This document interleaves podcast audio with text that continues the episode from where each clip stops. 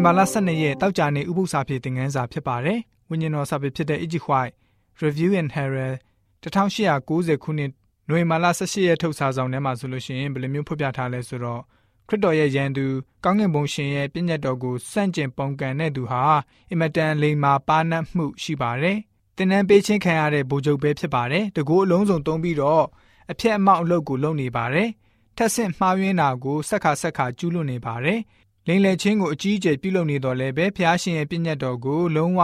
ထိခိုက်နိုင်စွမ်းမရှိပါဘူး။အပြစ်ကိုတွန်းလှန်တဲ့ဖြောင့်မတ်ခြင်းရဲ့အဆင့်တန်းဟာပြည့်ညတ်တော်ပဲဖြစ်ပါတယ်ဆိုပြီးတော့ဖော်ပြလိုထားပါတယ်။အကာသဆက်ဝန်းဟင်းလင်းပြင်အတွင်းမှာငကငွေကျယ်စုအရေးအတွက်ကတော့တန်ပေါင်း2တန်း2 trillion လောက်ရှိပါတယ်။ငကငွေတန်းတစ်ခုစီမှာကျယ်အလုံးပေါင်းတန်ပေါင်း1တန်းစုစုပေါင်းငကငွေအစုဖွဲ့ပေါင်းတန်ပေါင်း2တန်း ခက်မှန်းကြီးကျဲအရေးအတွက်ကတော့နှစ်အနောက်မှာ323လုံးလောက်အရေးအတွက်ရှိပါတယ်။နိယာမသဘောအရတရေတီလာတဲ့အရာတစ်ခုဒါမှမဟုတ်ဖန်ဆင်းလိုက်တဲ့အရာဟာငကိုရှိရင်ဆွဲအရာထက်မကြီးမြတ်နိုင်ပါဘူး။ဖန်ဆင်းတဲ့သူလှုပ်ဆောင်တဲ့သူဟာဖြစ်လာတဲ့လက်ရာထက်ကြီးမြတ်ပါတယ်။စကြောင်နာကိုဖျားရှင်ဖန်ဆင်းတော်မူတဲ့အခါမှာဖျားသခင်ဟာစကြောင်နာထက်ကြီးမြတ်တော်မူတာကတော့အမှန်ပဲဖြစ်ပါတယ်။ရှမ်းခရစ်ဝင်အခန်းကြီး1ငွေ1နဲ့3မှာဆိုလို့ရှိရင်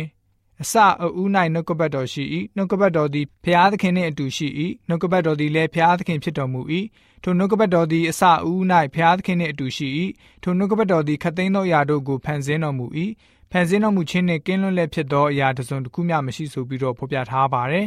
ဒါကြောင့်အရာခတ်သိမ်းကိုဖန်ဆင်းတော်မူသောဖျားရှင်ဟာကျေတာယာပေါင်းနှစ်အနောက်မှာ323လုံးအရေအတွက်ကို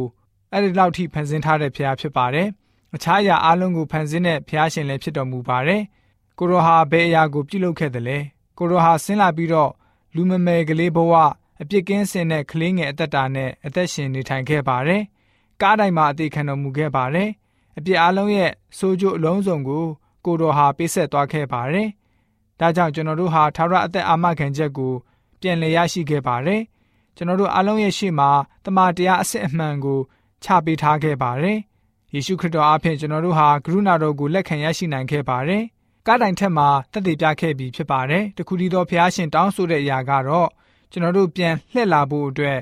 ဒေသနာကျမ်းခန်းကြီး7နဲ့ငယ်73မှာအချုပ်ချာစကားဟူမူကားဖျားသခင်ကိုကြောက်ရွံ့၍ပြည့်ညက်တော်တို့ကိုစောင့်ရှောက်လော့ဤရွှေကားလူနှင့်ဆိုင်သောအမှုအရာလုံးစုံတို့ကိုချုပ်ချသတည်းဆိုပြီးတော့တောက်ကြနေဥပု္ပ္ပစာဖြစ်တဲ့ငန်းစာကဖော်ပြပေးထားပါတယ်ဥပု္ပ္ပစာဖြစ်တဲ့ငန်းစာခုနှစ်ကတော့ဒီလောက်ပဲဖြစ်ပါတယ်ဥပု္ပ္ပစာဖြစ်အစီအစဉ်တစ်ဆက်သူကျွန်တော်ဆဆပါကျန်တော်တို့သူရောက်စီတိုင်းဝิญဉ်ခွန်အားနဲ့ပြေဝကြပါစေကျေးဇူးတင်ပါတယ်